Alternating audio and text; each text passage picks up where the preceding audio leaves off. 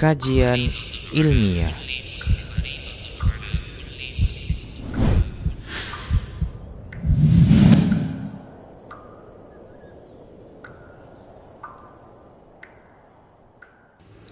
Bismillah, Assalamualaikum warahmatullahi wabarakatuh. Innal hamdalillah nahmaduhu wa nasta'inuhu wa nastaghfiruh wa na'udzu billahi min shururi anfusina wa min sayyiati a'malina man yahdihillahu fala mudhillalah wa man yudlilhu fala hadiyalah. Wa asyhadu an la ilaha illallah wahdahu la syarikalah wa asyhadu anna Muhammadan 'abduhu wa rasuluhu sallallahu alaihi wasallam. قال الله جل وعلا يا أيها الذين آمنوا اتقوا الله حق تقاته ولا تموتن إلا وأنتم مسلمون يا أيها الناس اتقوا ربكم الذي خلقكم من نفس واحدة وخلق منها زوجها وبث منهما رجالا كثيرا ونساء. واتقوا الله الذي تساءلون به والأرحام. إن الله كان عليكم رقيبا. يا أيها الذين آمنوا اتقوا الله وقولوا قولا سديدا. يصلح لكم أعمالكم ويغفر لكم ذنوبكم ومن يطع الله ورسوله فقد فاز فوزا عظيما. أما بعد فإن أصدق الحديث كتاب الله وخير الهدى هدى رسول الله صلى الله عليه وسلم وشر الأمور محدثاتها وكل محدثة بدعة وكل بدعة ضلالة وكل ضلالة في النار. Para muslim, para pemirsa Rosya TV di mana saja Anda berada, demikian pula para pendengar Radio Medan Mengaji. A'azani Allah wa iyyakum jami'ah. Alhamdulillah kita tak lupa bersyukur kepada Allah atas semua nikmat yang Allah berikan. Kemudian selawat dan salam kita ucapkan untuk Nabi kita tercinta Muhammad sallallahu alaihi wasallam. Para muslim rahimani wa rahimakumullah. Kita akan lanjutkan pembahasan fikih muamalah dan masih membahas tentang pembahasan tentang wasiat. Baik para muslim rahimani wa rahimakumullah. Berikutnya adalah pembahasan hukum wasiat yang diarahkan ke kepada arah-arah kemaksiatan, kepada ya penyaluran kemaksiatan. Seperti contohnya adalah pembangunan gereja atau tempat-tempat ibadah orang-orang kafir. Begitu juga tempat-tempat kesyirikan Begitu juga contohnya ya, oh, tempat-tempat kemaksiatan seperti uh, pelacuran, ya, kemudian perjudian,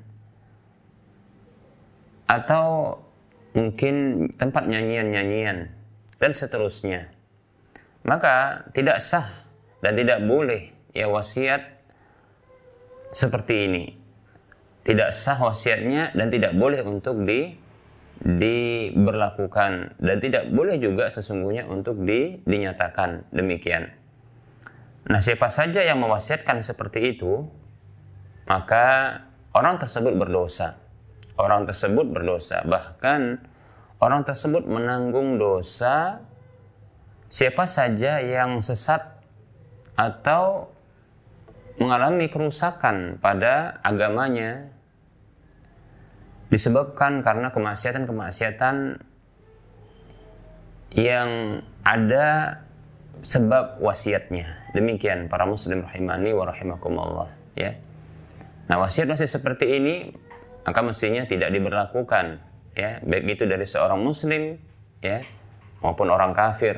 Orang kafir yang tidak mengetahui tentang hukum, nah tentunya ya lebih tidak layak untuk bisa ya diberikan ya keabsahannya. Demikian para muslim rahimani wa rahimakumullah. Maka apabila ada uh, sisi kekuatan pada wasiat tersebut, maka dimintakan kepada pemerintah ya dalam hal ini ya pihak yang berwenang untuk merubah wasiat tersebut dan memalingkannya, mengarahkannya, menyalurkannya ya kepada arah-arah kebaikan yang disyariatkan. Allah Subhanahu wa taala berfirman, "A'udzu billahi minasyaitonir rajim." Ta'awanu 'alal birri wat taqwa wa la ta'awanu 'alal ismi wal 'udwan wattaqullaha innallaha syadidul 'iqab. Allah berfirman dalam surah Al-Maidah ayat 2, dan tolong menolonglah kalian di atas kebajikan dan takwa dan janganlah kalian tolong menolong di atas dosa dan permusuhan. Dan bertakwalah kepada Allah sesungguhnya Allah maha keras siksanya. Demikian para muslim rahimani wa rahimakumullah berikutnya kita akan bahas tentang uh, waktu diakui wasiat itu keabsahan sebuah wasiat atau tidak sahnya sebuah wasiat itu diakui terkait dengan kondisi kematian. terkait dengan kondisi kematian yaitu uh, terkait dengan kematian ya. Andaikan seseorang berwasiat yang diarahkan kepada ahli waris yang tentunya wasiat ini asalnya tidak boleh karena la wasiat li warisin tidak ya tidak uh, tidak ada wasiat bagi ahli waris demikian. Mestinya tidak sah. Namun ketika kematian ya ketika kematian orang tersebut orang yang menjadi ahli waris itu tidak lagi menjadi ahli waris ya tidak lagi menjadi ahli waris. Mengapa? Karena ternyata dia ia terhalang. Contohnya adalah wasiat yang diarahkan kepada saudara. Wasiat yang diarahkan kepada saudara berupa harta, ya tentunya wasiat ini tidak berlaku karena ya saudara ini adalah termasuk ahli waris demikian. Maka wasiat harta kepada ahli waris tidaklah sah. Namun ternyata ketika wafat dia tidak menjadi ahli waris. Mengapa? Karena dia orang yang diarahkan wasiat itu kepadanya ternyata terhalang oleh anak orang yang berwasiat. Ya, anak orang yang berwasiat tersebut. Seperti itu. Ya, bisa jadi mungkin anak tersebut uh, ketika meninggal ternyata ada muncul ya. Uh, mungkin uh, baru ketika itu uh, hamil istrinya. Nah seperti itu. Demikian para muslim rahimani warahmatullah maka ketika itu wasiat itu sah untuknya ya. Wasiat tersebut sah untuk ya saudara tersebut. Ini contoh. Kita ulangi ya. Jadi asalnya wasiat itu contoh ini untuk kondisi yang pertama adalah kondisi di mana orang seseorang yang memiliki harta itu berwasiat berupa harta wasiat harta kepada saudara kandungnya demikian. Nah, saudara kandung ini tentunya adalah ahli ahli waris demikian ya. Seperti itu. Mestinya wasiat ini tidak sah. Namun dikarenakan ternyata ketika dia meninggal dunia, dia tidak lagi menjadi, yaitu saudara tersebut tidak lagi menjadi ahli waris. Tidak lagi menjadi ahli waris. Kita ulangi kasus pertama atau uh, rincian pertama.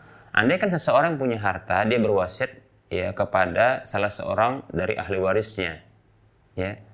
Namun ketika meninggal dunia ternyata ya ahli warisnya tersebut tidak lagi menjadi ahli waris.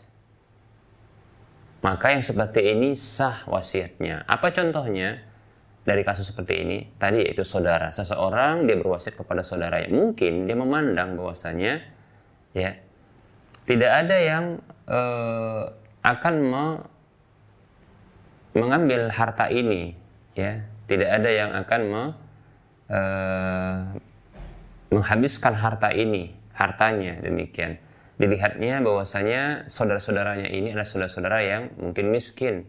Maka dia wasiatkan kepada saudara-saudaranya ya ini untuk mendapatkan ya uh, harta. Demikian. Dari jalur wasiat.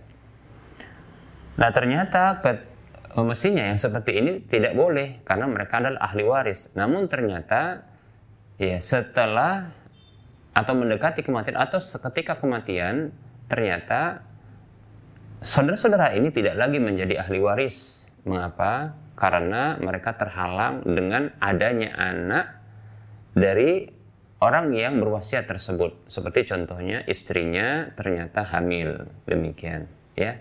Istri ternyata hamil. Maka wasiat tersebut tidak dihapuskan, ya. Wasiat tersebut tidak dihapuskan, ya bahkan sah wasiatnya. Demikian.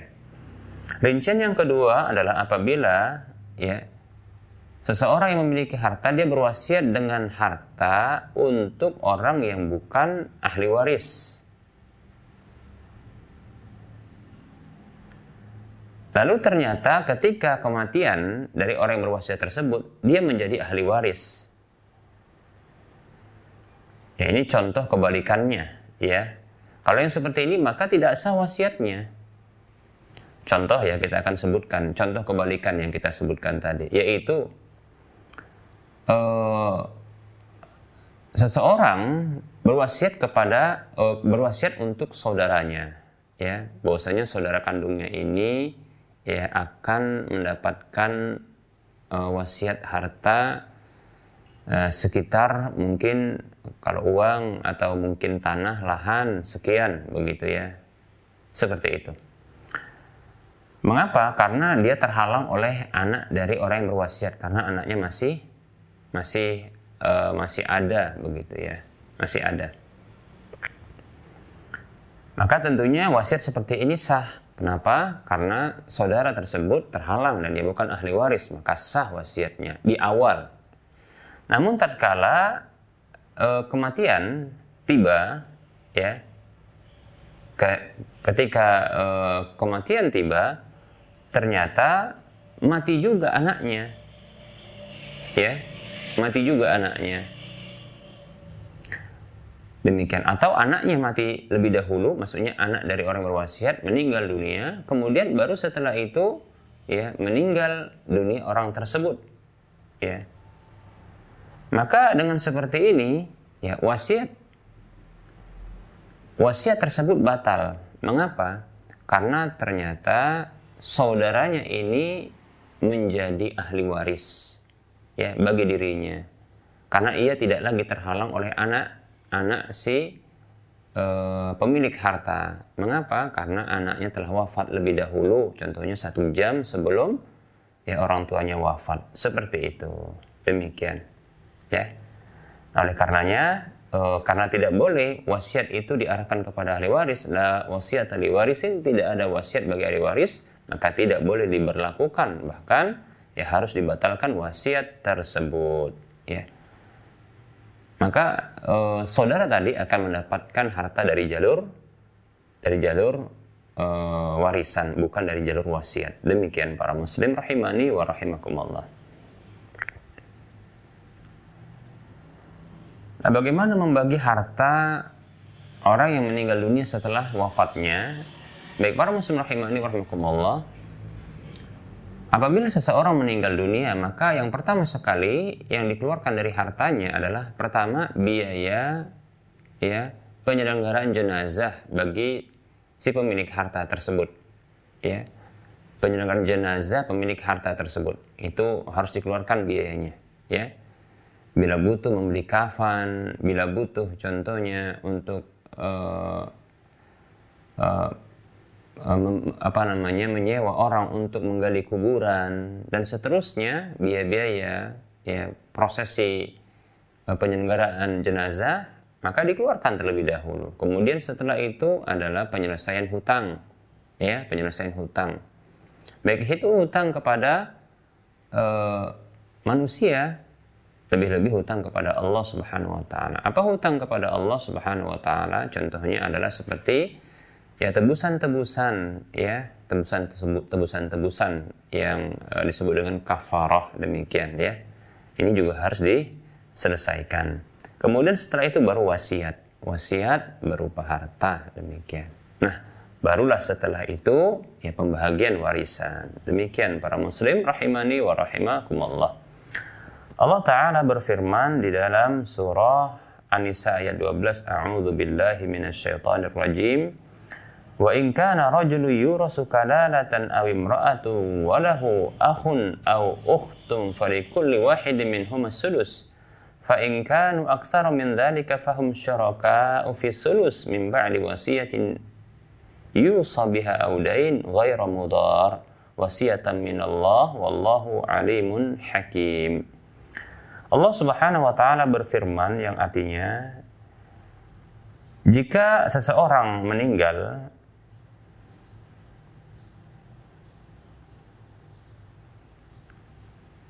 baik laki-laki maupun perempuan yang tidak meninggalkan ayah atau anak, tidak meninggalkan ayah dan anak, namun memiliki saudara laki-laki seibu, ya,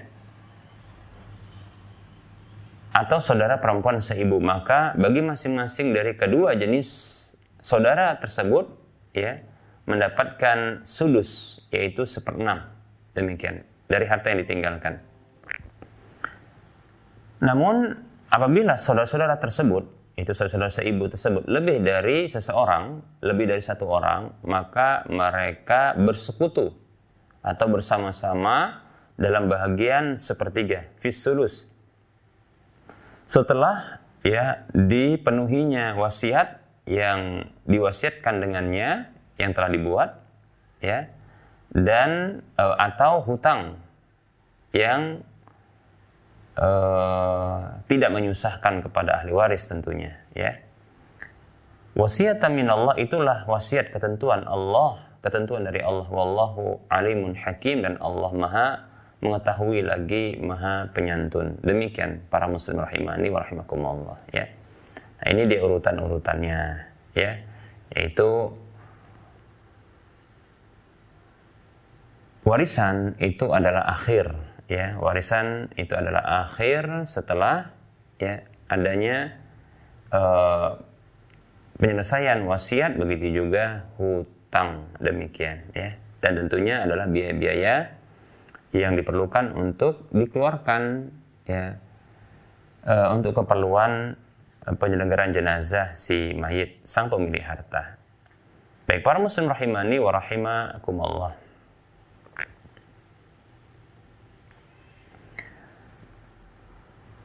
Baik para muslim rahimani wa rahimakumullah. Berikutnya adalah e, merupakan kebolehan orang yang diarahkan wasiat itu kepadanya lebih dari satu. Satu ataupun lebih maka boleh. Ya. Maka apabila orang-orang yang e, mendapatkan wasiat tersebut itu lebih dari satu e, dan dibatasi bagi setiap masing-masingnya kekhususannya maka sah wasiat tersebut ya wasiat tersebut sah ya sesuai dengan e, kekhususan yang telah diberikan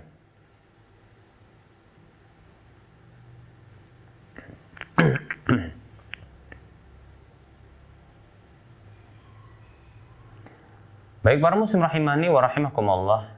Apabila seseorang berwasiat kepada uh, dua orang, ya dua orang, uh, pada sesuatu hal seperti contohnya ya untuk uh, memperhatikan kondisi anak-anaknya atau contohnya untuk memperhatikan atau menjaga harta yang ditinggalkannya, uh, maka tidak boleh bagi salah satu keduanya untuk melakukan kewenangan itu bersendirian ya. Maka harus secara berdua demikian ya.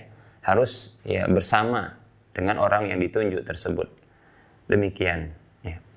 Mengapa? Dikarenakan ya eh, mereka yang mendapatkan wasiat berdua. Seperti itu para muslim rahimani wa rahimakumullah. Kemudian eh, terkait dengan waktu penerimaan wasiat. Pembahasan tentang waktu penerimaan wasiat. Sah yang menerima ya wasiat oleh orang yang diberikan wasiat uh, selama kehidupan ya orang yang berwasiat. Demikian pula setelah kematiannya. Seperti itu, ya. nah, namun apabila ya ia terhalang dari wasiat tersebut sebelum wafatnya atau setelah kematiannya, maka ya uh, gugur haknya karena tidak bisa menerimanya karena dah terhalang ya seperti itu. Ada contohnya ada penghalangnya. Baik apa penghalangnya? Ya ya bisa jadi e, harta yang diwasiatkan tersebut hilang dan terbakar contohnya ya. Sehingga tidak tidak e, tidak bisa menerima wasiat tersebut atau memberlangsungkan uh, wasiat tersebut. Demikian ya. Hanya saja uh, penerimaan wasiat oleh orang yang uh, menerima wasiat tersebut yang mendapatkan wasiat tersebut itu boleh dan sah ya. Itu didapatkan selama ketika ya masih hidupnya orang yang berwasiat atau setelah wafatnya demikian ya. Seperti itu. Namun kalau terhalang karena ada satu sebab ya karena harta tersebut hilang, rusak ya atau ya, contohnya ya, musnah ya maka gugur hak orang tersebut karena tidak bisa untuk mendapatkan wasiat tersebut dan tidak bisa membenarkan wasiat tersebut. Demikian para muslim rahimani wa rahimakumullah. Baik, berikutnya para muslim rahimani wa rahimakumullah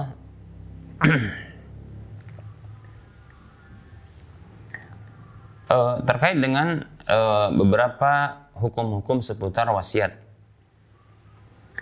Apabila seseorang yang memiliki harta mewasiatkan hartanya dengan dia katakan begini, aku wasiatkan kepada si Polan ya dengan takaran yang sama dengan takaran anakku atau sama dengan uh, ahli waris yang lainnya.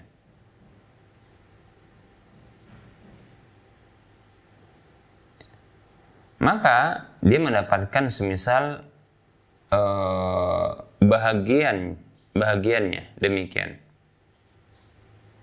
Dia mendapatkan was, eh, bahagian semisal dengan apa yang sudah disebutkan tersebut. Nah kalau seandainya orang yang memiliki harta tersebut berwasiat dengan eh, sebahagian ya sebahagian dari harta tanpa disebutkan jumlahnya ya tanpa disebutkan jumlahnya yaitu mewasiatkan ini tolong berikan kepada si polan. Nah, gitu dia katakan. Si pemilik harta mengatakan kepada uh, ahli warisnya ya untuk mengarahkan wasiat itu kepada ya si si fulan yaitu orang tertentu yang dia bukan ahli waris untuk memberikan dari sebagian hartanya ya. Namun tidak ditentukan bahagiannya. Maka yang seperti ini ahli waris ketika itu dia mereka bisa memberikan ya bahagian dari warisan tersebut ya atau bagian dari harta orang yang berwasiat tersebut setelah wafatnya itu sesuai dengan apa yang mereka uh, sepakati atau mereka uh, inginkan. Tidak masalah ya. Karena tidak ditentukan jumlahnya ya hanya saja berilah sebahagian demikian ya. Maka berilah yang sepantasnya tentunya. Demikian para muslim rahimani wa rahimakumullah.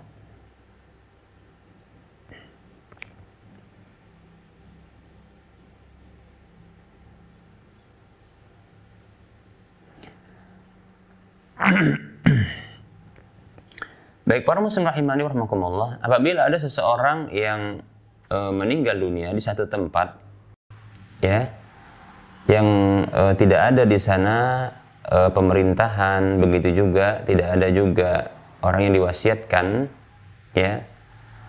Maka disyariatkan bagi orang yang berada di sekitarnya dari kalangan kaum muslimin ya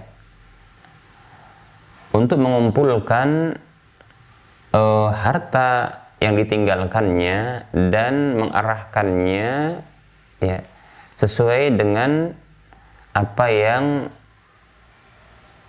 paling maslahat dan yang paling besar pahalanya. Demikian ya.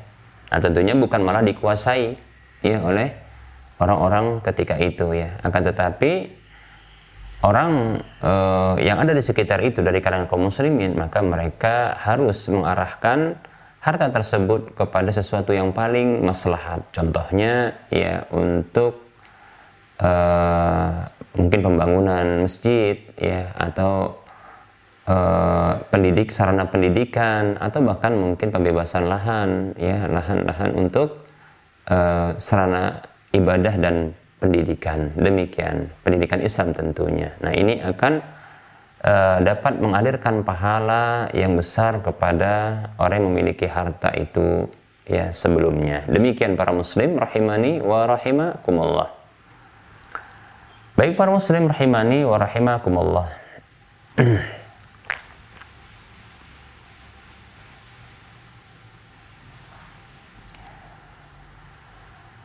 Baik, uh, Bagaimana penyebutan tentang wasiat itu? Ya, penyebutan wasiat.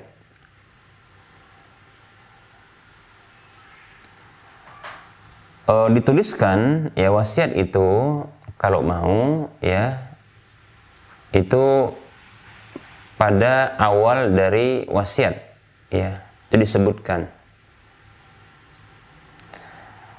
Sebagaimana uh, ada riwayat dari Anas bin Malik radhiyallahu anhu yang mengatakan kanu yang fi suduri ya wasayahum. Dahulu mereka menuliskan ya di awal-awal wasiat mereka. Ya. Jadi pertama wasiat itu ditulis, kemudian di awal-awal sudah di uh, juga disebutkan wasiatnya. Demikian. Contohnya seperti ini, ini adalah apa yang diwasiatkan oleh fulan bin fulan. Ya, dia wasiatkan bahwasanya ya dia bersaksi bahwasanya tidak ada sesembahan yang berhak disembah kecuali Allah satu-satunya dia tidak ada sekutu baginya dan bahwasanya Muhammad SAW adalah hamba dan utusan Allah dan bahwasanya nah ini contoh ya ini wasiat ya. Kita ulangi hada ma fulanun ibnu fulanin. Ini adalah apa yang diwasiatkan oleh fulan bin fulan. Ausa dia mewasiatkan annahu yashhadu alla ilaha illallah wahdahu la syarikalah. Dia berwasiat bahwasanya dia bersaksi bahwa tidak ada sesembahan yang berhak disembah kecuali Allah. Satu-satunya dia tidak ada sekutu baginya. Wa anna Muhammadan abduhu wa rasuluh. Dan bahwasanya Muhammad sallallahu alaihi wasallam adalah hambanya dan utusan Allah. Wa anna sa'ata wa anna sa'ata atiyatun la raiba fiha. Bahwasanya hari kiamat itu pasti datang tidak ada seku, uh, tidak ada keraguan padanya. Wa anna Allah yab'atsu man fil quburi. Dan bahwasanya Allah pasti membangkitkan orang siapa saja yang ada dalam kuburnya. Wa awsa man taraka ba'dahu min ahlihi an yattaqullaha haqqa tuqatihi. Dan dia berwasiat ya kepada orang yang ya hidup sepeninggalnya dari keluarganya untuk bertakwa kepada Allah sebenar-benar takwa. Wa an yuslihu dzata bainihim. Dan untuk ya melakukan perdamaian ya di antara mereka. Wa Allah wa rasulahu in kanu mu'minin. Dan ya mentaati Allah dan rasulnya apabila ya, jika mereka benar-benar beriman wa usahum bima wassa bihi Ibrahimu banihi wa Yaqubu dan dia mewasiatkan kepada mereka yaitu uh, keluarganya dengan wasiat yang dengannya Nabi Ibrahim dan Nabi Yakub berwasiat kepada anak keturunannya. Allah berfirman, Ya bani inna Allah astafa lakumudina fala tamutunna illa wa antum muslimun. Wahai anak-anakku, sesungguhnya Allah memilih agama ini bagi kalian, maka janganlah kalian mati kecuali dalam kondisi kalian muslim demikian. Nah, ini adalah oh, wasiat ya. Ini awal-awal wasiat mereka. Jadi bunyinya seperti ini. Nas ini contoh ya, bunyi nas sebagaimana yang disebutkan oleh Anas bin Malik radhiyallahu an. Jadi ini bukan uh, uh, bukan contoh dari wasiat yang dibuat oleh orang sekarang. Bahkan ini adalah contoh wasiat yang yang dibuat di masa Anas bin Malik radhiyallahu anhu. Yaitu wasiat pertama wasiat e, terkait dengan syahadat ya. Kemudian wasiat terkait dengan pemberitaan hari kiamat pasti tiba dan kebangkitan wasiat ya untuk bertakwa wasiat untuk memperbaiki atau melakukan perdamaian mentaati Allah dan Rasulnya kemudian mewasiatkan untuk terus berada di atas agama sampai kematian. Demikian. Ya. Nah, setelah itu ini bunyi wasiat seperti itu, silakan setelah itu mewasiatkan ya berupa harta setelah itu. Jadi, nah ini uh, contoh ya, contoh dari Anas bin Malik radhiyallahu an untuk memberikan wasiat uh, harta yang terlebih dahulu adalah wasiat-wasiat terkait dengan akhirat. Demikian para muslim rahimani wa rahimakumullah.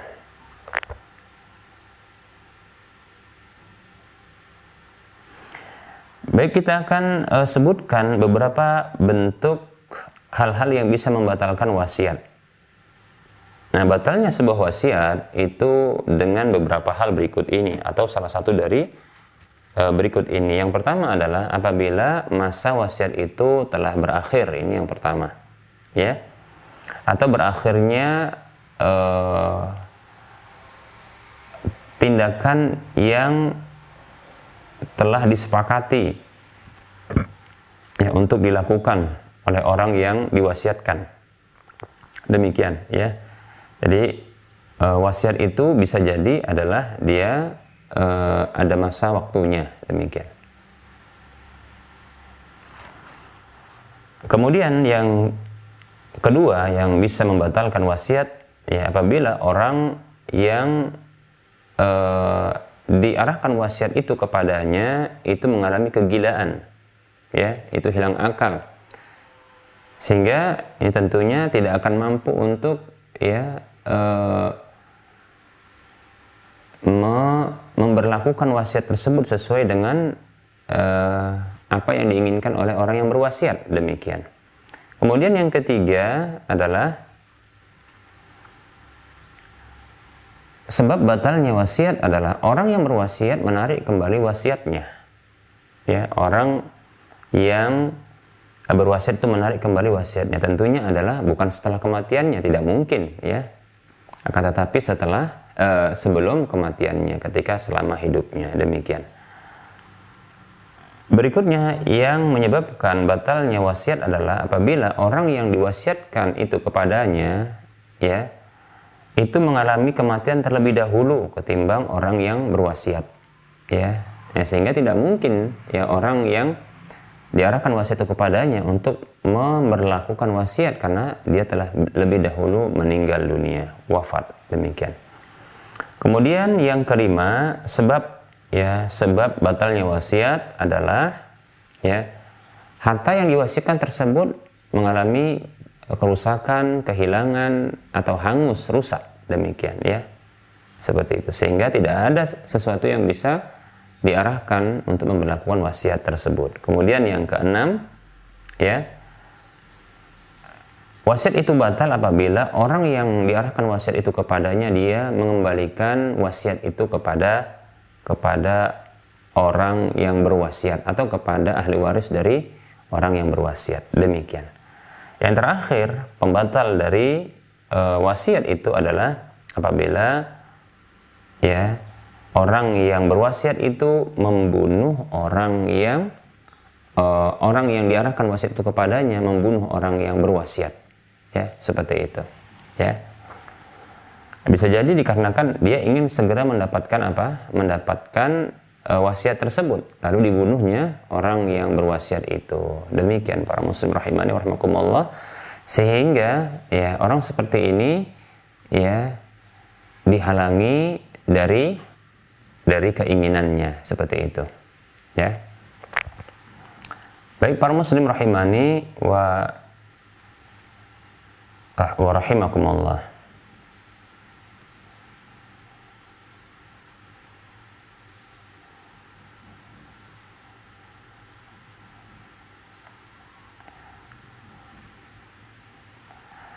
Ini berdasarkan kaidah yang disebutkan uh, dalam sebuah kaidah ya man istajala asy-syai'a qabla awanihi uqiba bihirmanihi ya. Orang yang menyegerakan sesuatu sebelum waktunya maka ya dia diberikan hukuman dengan diharamkannya sesuatu tersebut darinya. Demikian. Seperti itu ya. Ini kaidah. Ya. Jadi seseorang yang dia membunuh dengan maksud ya untuk mendapatkan ya wasiat ya contohnya orang yang diarahkan wasiat itu kepadanya mungkin dia khawatir jangan-jangan dia dulu yang lebih dahulu meninggal ya dari orang yang berwasiat. Maka dia segera akhiri kehidupan orang yang uh, memberikan wasiat tersebut agar dia segera mendapatkan wasiat itu ya. Disamakan dengan itu juga adalah ahli waris, ya, ahli waris yang membunuh orang yang akan mewariskan harta, ya. Maka, ya, orang-orang seperti ini, maka ya diharamkan bagi mereka, ya, atau dibatalkan dari mereka haknya, yaitu hak untuk mendapatkan harta tersebut, ya. Man istajala syai'an qabla awanihi, qabla awanihi uqiba bihirmanihi ya siapa saja yang uh, terburu-buru ya dengan sesuatu sebelum waktunya maka dia dihukum ya dihukum dengan dicegah atau diharamkannya dilarangnya dia darinya demikian para muslim rahimani wa rahimakumullah baik nah ini barangkali uh, penyampaian materi yang bisa kita uh, sampaikan pada pertemuan kali ini. Kita akan uh, lanjutkan dengan sesi soal jawab.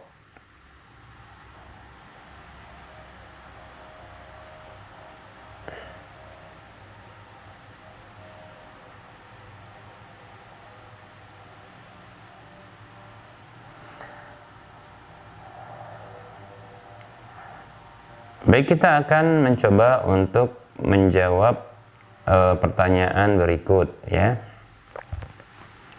Assalamualaikum warahmatullahi wabarakatuh. Waalaikumsalam warahmatullahi wabarakatuh. Afan Ustadz minta nasihat dan ilmunya.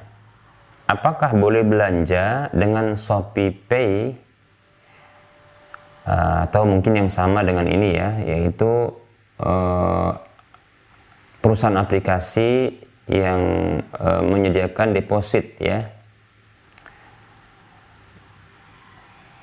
yaitu dengan cara isi saldo Shopee Pay terlebih dahulu agar dapat gratis ongkir. Apakah termasuk terlarang? Ya. Yaitu gratis ongkir demikian. Baik para muslim rahimani wa rahimakumullah. Ya, kita akan jawab ya. Waalaikumsalam warahmatullahi wabarakatuh. Uh, uang yang didepositkan itu uang yang dikirimkan atau diisikan ya ke saldo Shopee Pay tersebut atau yang semisalnya perusahaan yang semisalnya seperti GoPay dan yang lainnya ya. Lalu pihak perusahaan aplikasi tersebut menggunakan kucuran e, dana yang masuk tersebut ya itu para pengguna dari e, aplikasi tersebut ya menggunakannya. Mengapa mereka menggunakannya? Karena memang dibolehkan ya berdasarkan peraturan BI ya demikian. Maka akad tersebut berubah menjadi akad hutang piutang tentunya ya karena e, kebolehan untuk menggunakan ya e, uang tersebut. Ya, akad utang piutang. Maksudnya adalah pihak pengguna aplikasi dalam hal ini sebagai eh, pemberi piutang kepada pihak perusahaan aplikasi ya. Karena diizinkan untuk digunakan ya. Lalu disepakati setelah itu atau ditawarkan adanya manfaat tambahan atau keuntungan apa saja. Seperti contohnya ada bonus-bonus yang ditawarkan oleh perusahaan uh, aplikasi tersebut. Begitu juga contohnya seperti bebas ongkos kirim ya. Eh, dan hal-hal menarik lainnya yang ini merupakan ya tambahan atau keuntungan atau manfaat yang didapatkan ya ketika menjadi uh, apa namanya nasabah atau customer dari uh, perusahaan aplikasi tersebut. Maka uh, tambahan-tambahan tersebut yang didapatkan ini menjadi riba. Tambahan-tambahan tersebut ini menjadi riba. Demikian. Kullu qardin jarra manfaatan fahuwa riba, ya. Setiap hutang piutang yang menarik manfaat, keuntungan, tambahan, maka dia adalah riba. Demikian. Kecuali ada sedikit yang mau kita sampaikan, ya kecuali apabila ya eh, ketika beli produk, contoh ini ya, beli produk seharga nominal tertentu, contohnya sekitar harga 100 ribu rupiah, ya. Harga 100 ribu rupiah, ini harga barang 100 ribu rupiah, sudah. Plus nanti ada bebas ongkos kirim. Demikian ya.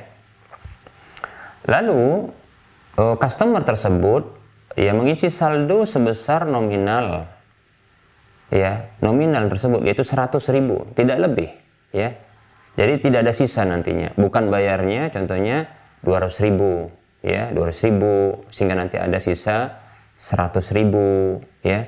Bukan juga 500 ya seperti itu. Atau uh, tanpa ada uh, peluang waktu untuk bisa uang itu dimanfaatkan ketika contohnya disetorkan 100 ribu karena memang harga barang itu 100 ribu lantas beberapa saat baru nanti digunakan uang itu 100 ribu itu ya oleh uh, pihak perusahaan aplikasi. Demikian. Nah bila tidak ada yang demikian yaitu tidak ada sisa tidak ada waktu peluang untuk bisa dimanfaatkan ya uang tersebut oleh perusahaan aplikasi tersebut. Dan e, biaya yang disetorkan ke perusahaan aplikasi tersebut itu adalah sebesar biaya e, pembelian produk tersebut yang ada bebas ongkos kirimnya. Artinya di sini berarti tidak ada ya hutang, tidak ada hutang yang diberikan uh, kepada pihak perusahaan aplikasi. Demikian. Tidak ada perus uh, tidak ada hutang. Ya karena langsung begitu ya begitu nanti masuk langsung dibayarkan ya untuk pembelian barang tersebut. Oleh karenanya yang seperti ini tidak terhitung riba wallahu taala alam demikian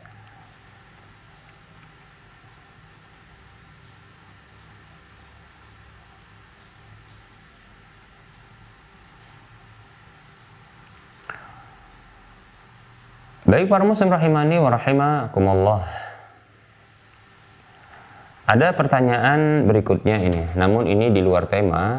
Pertanyaannya adalah Assalamualaikum Waalaikumsalam warahmatullahi wabarakatuh Apa hukum akikah Ustaz? Apakah kalau tidak ada akikah ya tetap bisa masuk surga Ustaz? Nah ini pertanyaannya agak uh, ekstrim juga nih ya Baik, kita akan sebutkan para ulama mereka berbeda pendapat tentang hukum akikah. Setahu saya ada tiga perbedaan pendapat, ada tiga pendapat dalam uh, hukum akikah ini. Ya, pendapat pertama uh, satu pendapat ya menyatakan wajib, ya menyatakan wajibnya uh, akikah tersebut. Ini pendapatnya ya Hasan Al Basri demikian pula Daud Al Zahiri demikian. Serta yang sependapat dengan pendapat mereka ini demikian berdasarkan beberapa dalil contohnya adalah ya hadis Nabi Shallallahu Alaihi Wasallam kullu gulamin rahinatun bi aqiqatihi setiap bayi itu tergadai dengan akikahnya seperti itu ya. Demikian ya. Ini hadisnya diriwayatkan oleh Imam uh, Abu Daud, Tirmidzi dan Ibnu Majah demikian. Ini dalil yang pertama.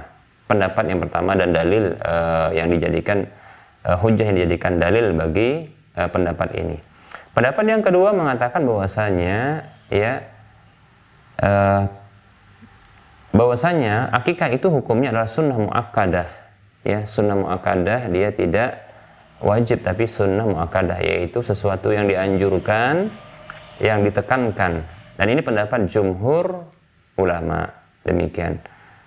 Pendapat yang ketiga ya pendapat yang ketiga adalah pendapat yang mengatakan makruh ya. Demikian. Ini pendapatnya Imam Abu Hanifah dan para ulama yang tergolong dalam ashabur ra'i. Demikian. Baik para muslim rahimani wa rahimakumullah. E, kalau saya sendiri ketika ditanya apa hukum dari akikah tersebut, maka saya condong kepada pendapat yang mengatakan sunnah muakkadah. Demikian ini pendapat jumhur ulama tadi ya. Mana dalilnya? Ya sesungguhnya dalilnya adalah dalil gabungan ya bahwasanya uh, memang hadis ya yang mengatakan ada hadis yang mengatakan ya kullu ghulamin ya rahinatun bi aqiqatihi. Setiap bayi itu tergadai dengan akikahnya. Secara uh, kandungan lafat memang ini memiliki makna ancaman dan tentunya ini uh, bermuatan wajib untuk dilakukan. Hanya saja ada dalil yang memalingkan ya di sesuatu yang wajib itu ya kandungan dari lafat itu bisa jadi berhukum wajib ya. Namun bila digabungkan dengan dalil yang lain maka uh, hukum wajib ini dia beralih atau uh, dipalingkan kepada dialihkan kepada makna sunnat demikian. Namun butuh dalil namanya sorif. Dalil sorif itu dalil yang memalingkan kepada hukum wajib tersebut. Mana dalilnya itu hadis Nabi Shallallahu Alaihi Wasallam. Man wulida waladun fa ahabba an yansuka anhu fal yunsik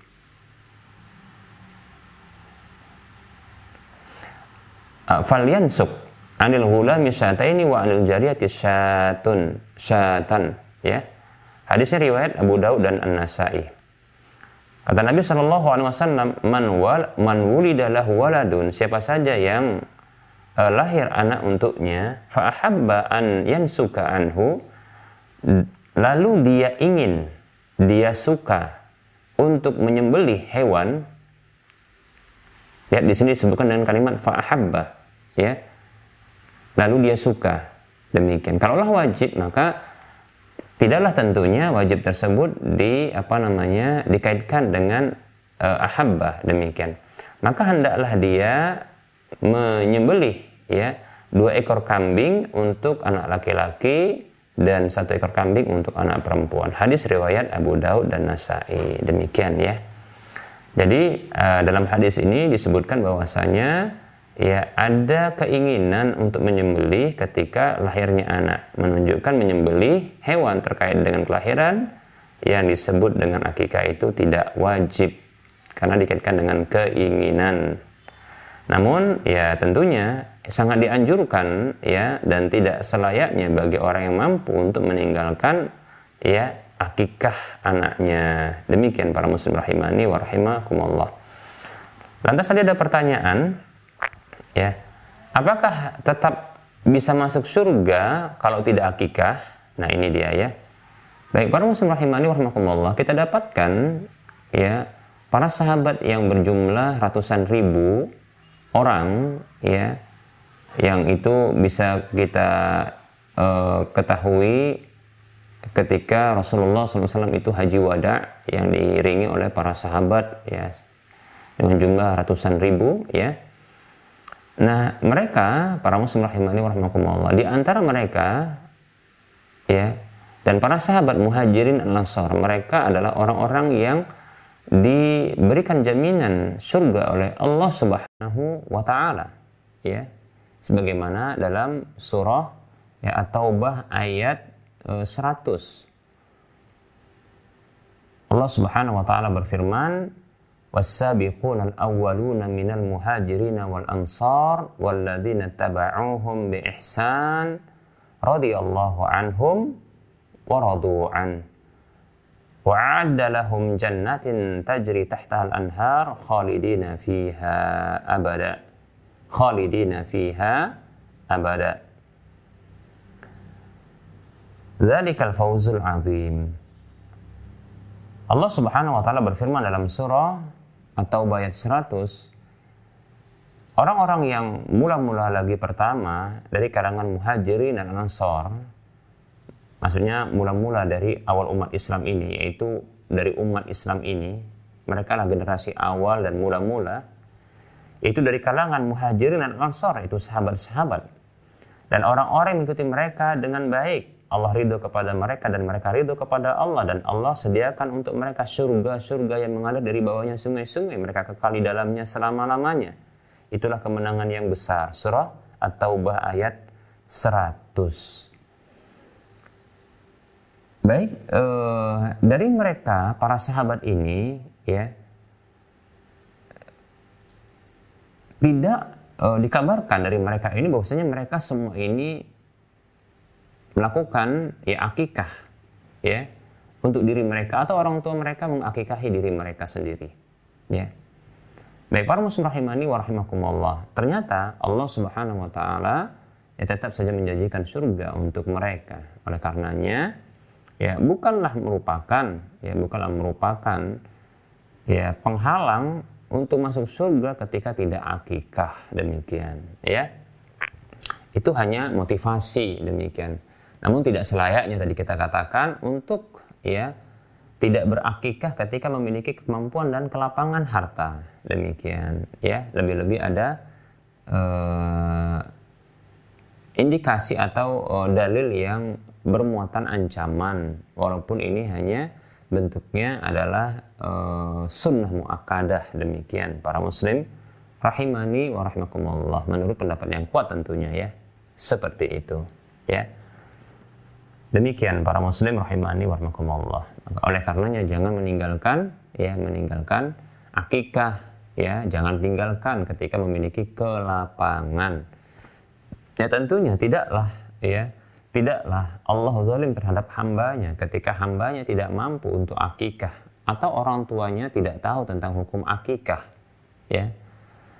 Atau contohnya ya, orang tuanya lupa untuk akikah ya mengakikahi anaknya. Lantas anaknya sudah dewasa ketika anaknya juga menjadi hamba Allah yang taat kepada Allah Subhanahu wa taala ya. Tentu Allah tidaklah zalim dengan hamba-hamba yang taat kepadanya ya. Lantas menghukum hamba tersebut yang tidak diakikahi oleh orang tuanya itu ya tidak masuk surga. Ya ini tentunya ini jauh dari ya keadilan demikian para muslim rahimani wa rahimakumullah ya. Bagaimana bisa seseorang itu mendapatkan hukuman atas tindakan orang lain? Allah mengatakan wala taziru waziratu wizra ukhra. Kalau seandainya memang itu sebuah dosa ya. Ya, Tidaklah pendosa itu ya menanggung dosa orang lain, ya. Tidaklah seorang itu menanggung dosa orang lain. Ya, demikian. Ya, tidak mungkin seorang anak itu dihukum ya tidak masuk surga karena orang tuanya tidak mengakikahinya. Demikian. Bagaimana mungkin? Nah, demikian.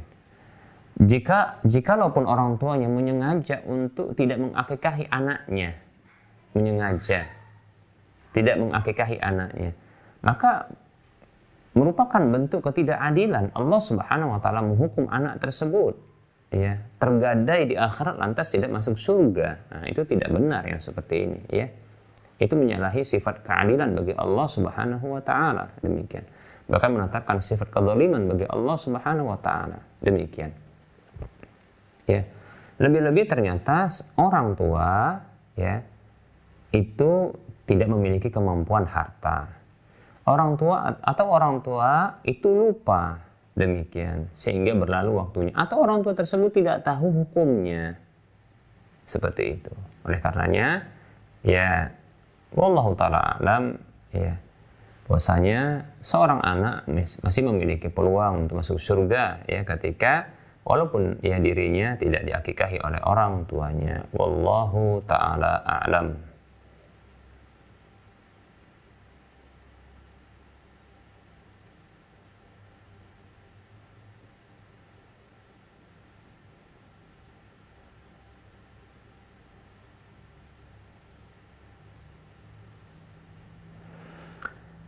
Baik, bismillah. Assalamualaikum Waalaikumsalam warahmatullahi wabarakatuh. Ustaz mau bertanya, bagaimana hukumnya apabila laki-laki menikah tanpa restu orang tuanya?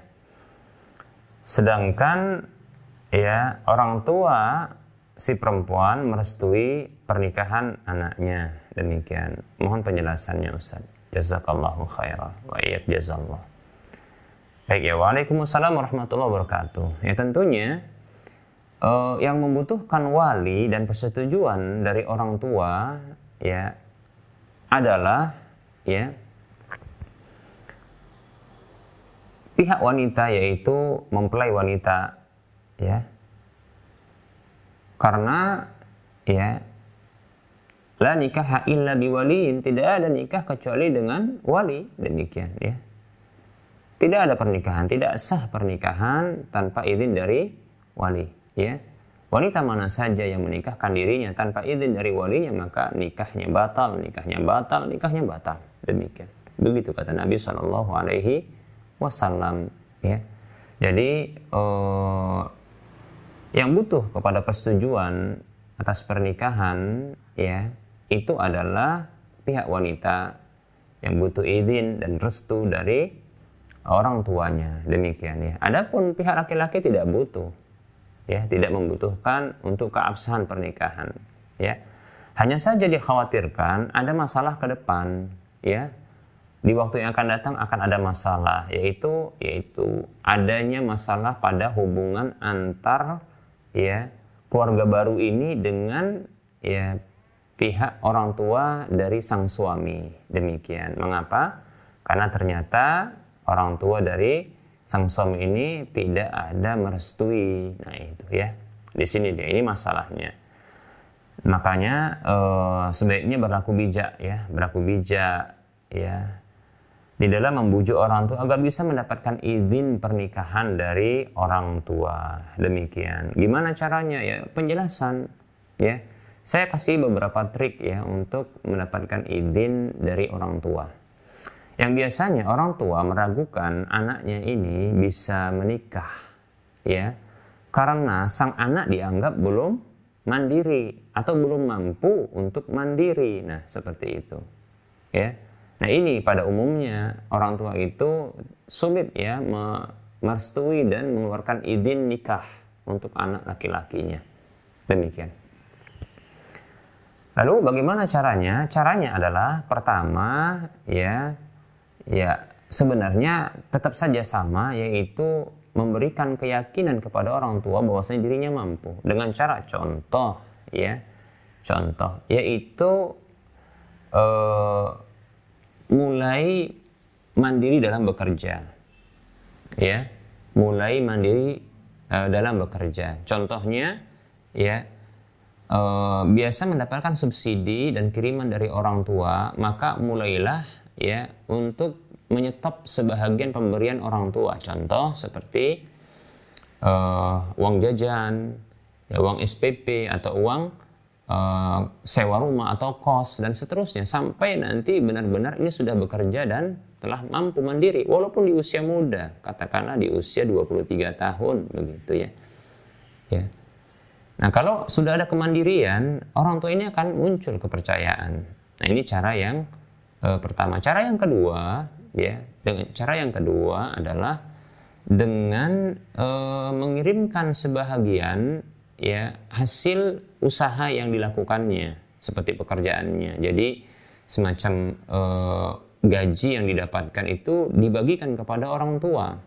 Nah, demikian dengan cara yang rutin, ya, rutin seperti itu.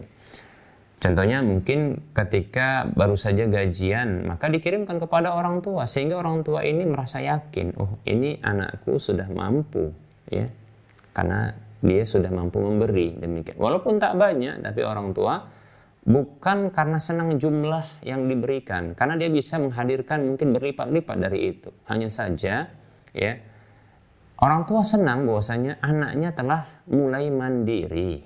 Nah itu dia, anak anaknya didapatkannya telah mandiri. Nah, itu yang disenangi oleh orang tua seperti itu. Tidak lagi ya ya apa namanya mendapatkan subsidi begitu juga ya kalau bahasa kita seperti menyusu kepada orang tua terus-terusan begitu ya.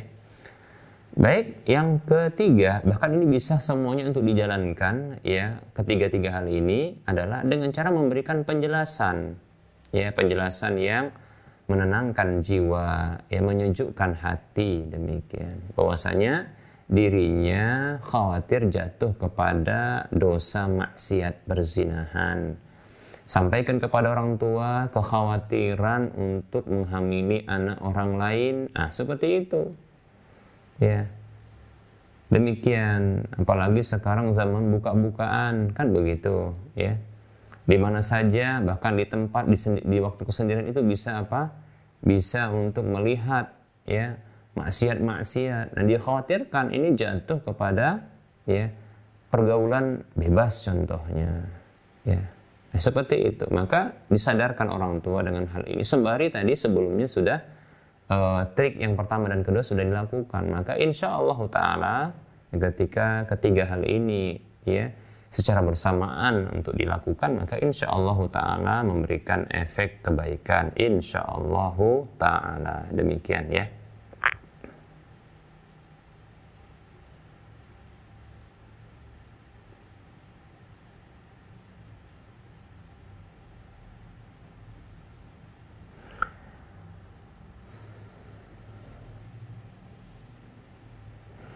Baik, ini ada pertanyaan ya.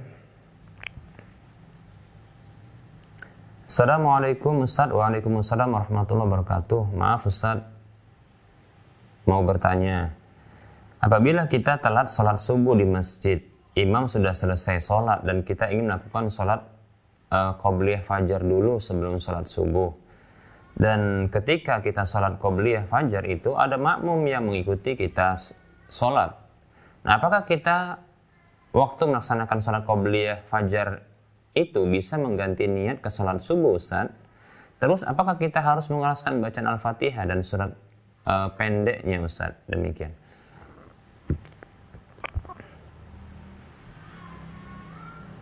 Satu lagi Ustaz, waktu kita melakukan sholat asar mendapati imam tasyahud akhir dan kita mengikutinya. Imam sudah uh, selesai salam dan kita berdiri, tiba-tiba ada orang yang mengikuti kita sholat dengan menepuk pundak kita Ustaz. Bagaimana ini hukumnya Ustaz? Sedangkan kita sudah mendapatkan sholat bersama imam. Barakallahu fikum. Baik, kita akan jawab. Waalaikumsalam warahmatullahi wabarakatuh. Wafik barakallah. Uh, pertama adalah tadi ada pertanyaan tentang merubah niat sholat uh, qobliyah fajar itu salat sunat kepada salat wajib. Tidak boleh ya, tidak boleh merubah ya.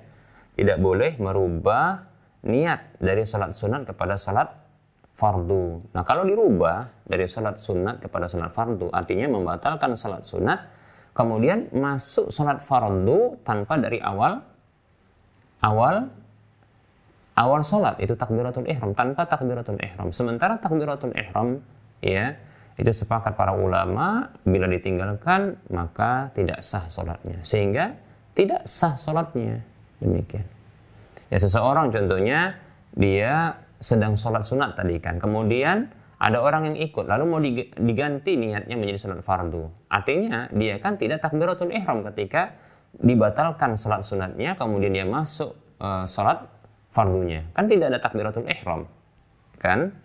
Sementara para ulama sepakat takbiratul ihram adalah rukun yang bila ditinggalkan maka tidak sah sholatnya. Demikian ya. Baik. Kemudian yang kedua ya.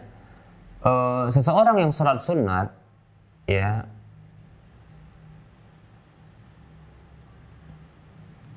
boleh dijadikan imam bagi orang yang sholat fardu.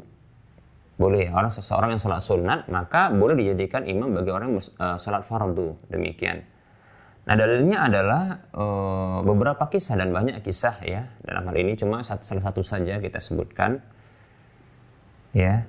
Uh, kisahnya di antaranya atau dalilnya adalah kisah Muadz bin Jabal radhiyallahu anhu kala beliau Salat Isya bersama Nabi Shallallahu Alaihi Wasallam di Madinah, maksudnya di di Masjid Nabawi. Selesai salat Isya, maka Muadz bin Jabal radhiyallahu an menuju kaumnya. Di mana kaumnya itu menanti Muadz untuk menjadi imam. Nah tentunya Muadz yang sudah salat isya bersama Rasulullah sudah terangkat kewajibannya. Nah, ketika dia menjadi imam e, bagi kaumnya, maka dia ketika itu sholat sunat walaupun gerakannya ya dan waktunya itu adalah sholat sholat isya. Namun dihukumi sunat demikian. Baik, uh, ini yang seperti ini ini pernah terjadi juga ya ketika Nabi Shallallahu Alaihi Wasallam itu sedang sholat. Nah tiba-tiba ada dua orang yang datang lalu duduk di belakang uh, saf namun tidak sholat. Setelah sholat Rasulullah Shallallahu Alaihi Wasallam memanggil keduanya lalu keduanya merasa ketakutan karena mungkin memiliki salah begitu tidak sholat. Maka Rasul bertanya, "Ma mana aku ma antusallaya ma'ana, antusalliya ma'ana?" Apa yang menghalangi uh, apa yang menghalangi kalian berdua apa yang menghalangi kalian-kalian berdua untuk ya sholat bersama dengan kami? Kata mereka, kami sudah sholat, ya kami sudah sholat di kemah kami demikian, ya kami sudah sholat di kemah kami. Maka Rasul mengatakan, ya la taf'ala, jangan kalian lakukan itu lagi, ya.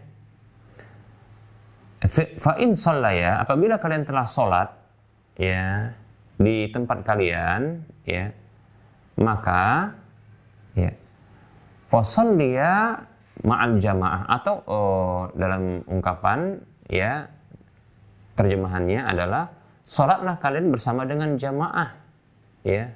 Sholat uh, jamaah masjid ketika itu. Ketika datang ya disebutkan ya saya ulangi tadi ya. La taf'ala jangan kalian lakukan itu. Fa in ataituma apabila kalian datang ya ila salati jamaatin kepada salat jamaah ya Fasalliya maka salatlah kalian berdua ma'a jama'atin bersama dengan jamaah ketika itu ya. Fa innahuma ya uh, fa innaha ya nafilatun karena sesungguhnya itu akan fa innaha lahum lakuma nafilatun karena sesungguhnya salat itu menjadi sunat bagi kalian. Kenapa sunat? Karena tadinya sudah salat. Berarti ini yang pertama kali sholat itu terhitung wajib, yang kali kedua ini terhitung sunat. Demikian. Nah begitulah Mu'adhi bin Jabal radhiyallahu anhu kala beliau sudah sholat bersama Rasulullah maka itu wajib sudah terlaksana. Nah ketika sholat menjadi imam bagi kaumnya maka itu sholat sunat demikian. Nah tentunya makmum makmum kaumnya kaumnya uh, Mu'adhi bin Jabal radhiyallahu itu sholatnya sholat wajib karena mereka menunggu belum sholat ya demikian ya perhatikan nah bahkan kisah ini bukan tidak sampai kepada Nabi bahkan Rasulullah mengetahuinya. Karena setelah ini ada kasus ternyata di mana ternyata Muadz bin Jabal radhiyallahu membaca ayat yang panjang. Ya membaca ayat yang panjang ya. Sampai-sampai ada salah seorang dari makmum tersebut yang mufarokoh yang uh, melepaskan diri dari jamaah ketika itu. Sampai ada kasus kepada Rasulullah SAW. Namun Rasulullah tidak menyalahkan tindakan Mu'adz bin Jabal yang dia telah sholat fardu bersama beliau SAW, Nabi SAW, namun menjadi imam. Tapi beliau menyalahkan Mu'adz bin Jabal karena memanjangkan bacaan. Ya, seperti itu. Wallahu ta'ala a'lam. Jadi, boleh, boleh ya, uh, imam itu sholatnya sunat dan makmum sholat wajib itu bisa ya. Kemudian Apakah boleh juga ketika sholat sunat tersebut atau sholat wajib ya, katakanlah sholat sunat tadi ya, itu mengeraskan bacaan ya. Baik, nah tadi karena niatnya adalah ingin uh, sholat uh, sunat, ya tentunya lanjutkan sholat sunatnya demikian. Nah, karena sholat sunat ini tidak ada keras bacaannya, maka tidak perlu dikeraskan bacaan. Biarkan orang yang tadi menjadi makmum untuk sholat wajibnya yang berimam dengan imam yang sholat sunat, maka tidak masalah diikuti saja, namun tidak dibaca keras. Hanya saja ketika memberikan aba-aba seperti takbir maka silahkan dia keraskan agar didengar oleh orang yang di sebelahnya. Demikian ya. Seperti itu. Nah terkait dengan uh, orang yang masbuk ya setelah sholat uh, ketika sholat dia dapatkan ya imam itu uh, mendapatkan imam itu akan selesai. Lalu dia masbuk dan melanjutkan sisanya. Demikian ya. Lantas ada orang yang menepuk pundaknya untuk menjadi makmum baginya. Artinya orang yang masbuk dijadikan sebagai imam. Apakah ini dibenarkan? Nah, setahu saya di sini ada perbedaan pendapat tentang masalah ini, ya. Ada yang mengatakan boleh. Mengapa boleh? Karena orang yang masbuk itu dianggap seperti sholat sendirian. Eh, buktinya adalah ketika orang yang setelah uh, salam imam dan ada orang yang masbuk, maka mereka melanjutkan masing-masing secara menyendiri. Maka itu dianggap seperti sholat munfarid, yaitu sendirian. Nah, orang sendirian itu dibolehkan untuk dijadikan imam seperti itu. Ini menurut pendapat yang pertama. Menurut pendapat yang kedua, ya tidak dibolehkan. Mengapa? Karena tidak ada teladan dari Nabi Shallallahu Alaihi Wasallam. Ya, seperti itu. Ya, karena tidak ada teladan dari Nabi Shallallahu Alaihi Wasallam. Demikian. Yang ada, contohnya tatkala Nabi Shallallahu Alaihi Wasallam mendapati salah seorang sahabat datangnya telat sama sekali ya. Datangnya telat sama sekali maka Rasul malah perintahkan untuk apa? Untuk uh, untuk sahabat-sahabat yang telah selesai sholat untuk menemani dan bersodakoh kepada orang yang telat sama sekali tersebut. Bukan uh, tidak ada sahabat-sahabat yang masbuk ya. Kita tidak yakin bahwasanya sahabat semuanya mereka ini adalah tepat bersama dengan Rasulullah Shallallahu Alaihi Wasallam ya salatnya. Tentunya ada masbuk. Oleh karenanya ada hukum pembahasan tentang masbuk. Demikian. Ada yang masbuk.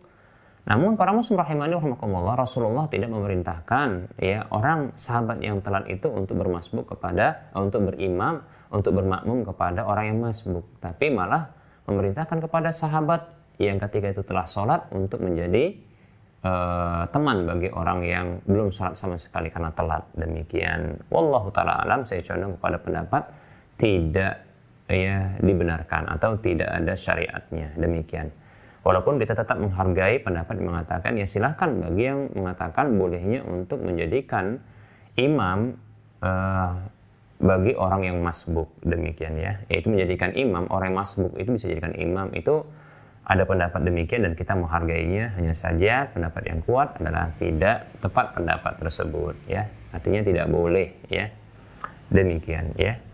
Lalu bagaimana ketika ada orang demikian? Dia tepuk. Dia tepuk pundak kita. Maka biarkan dia mengikuti kita ya.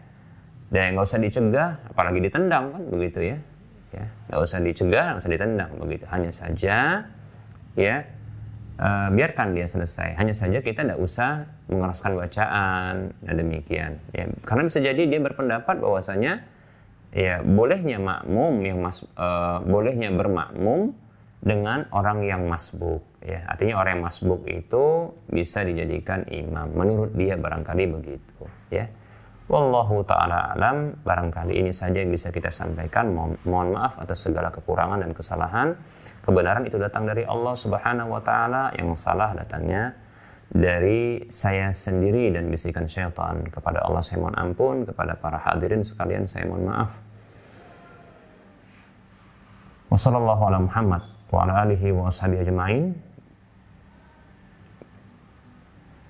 Subhanakallahumma bihamdika asyhadu an la ilaha illa anta astaghfiruka wa atubu ilaika walhamdulillahi rabbil alamin. Assalamualaikum warahmatullahi wabarakatuh.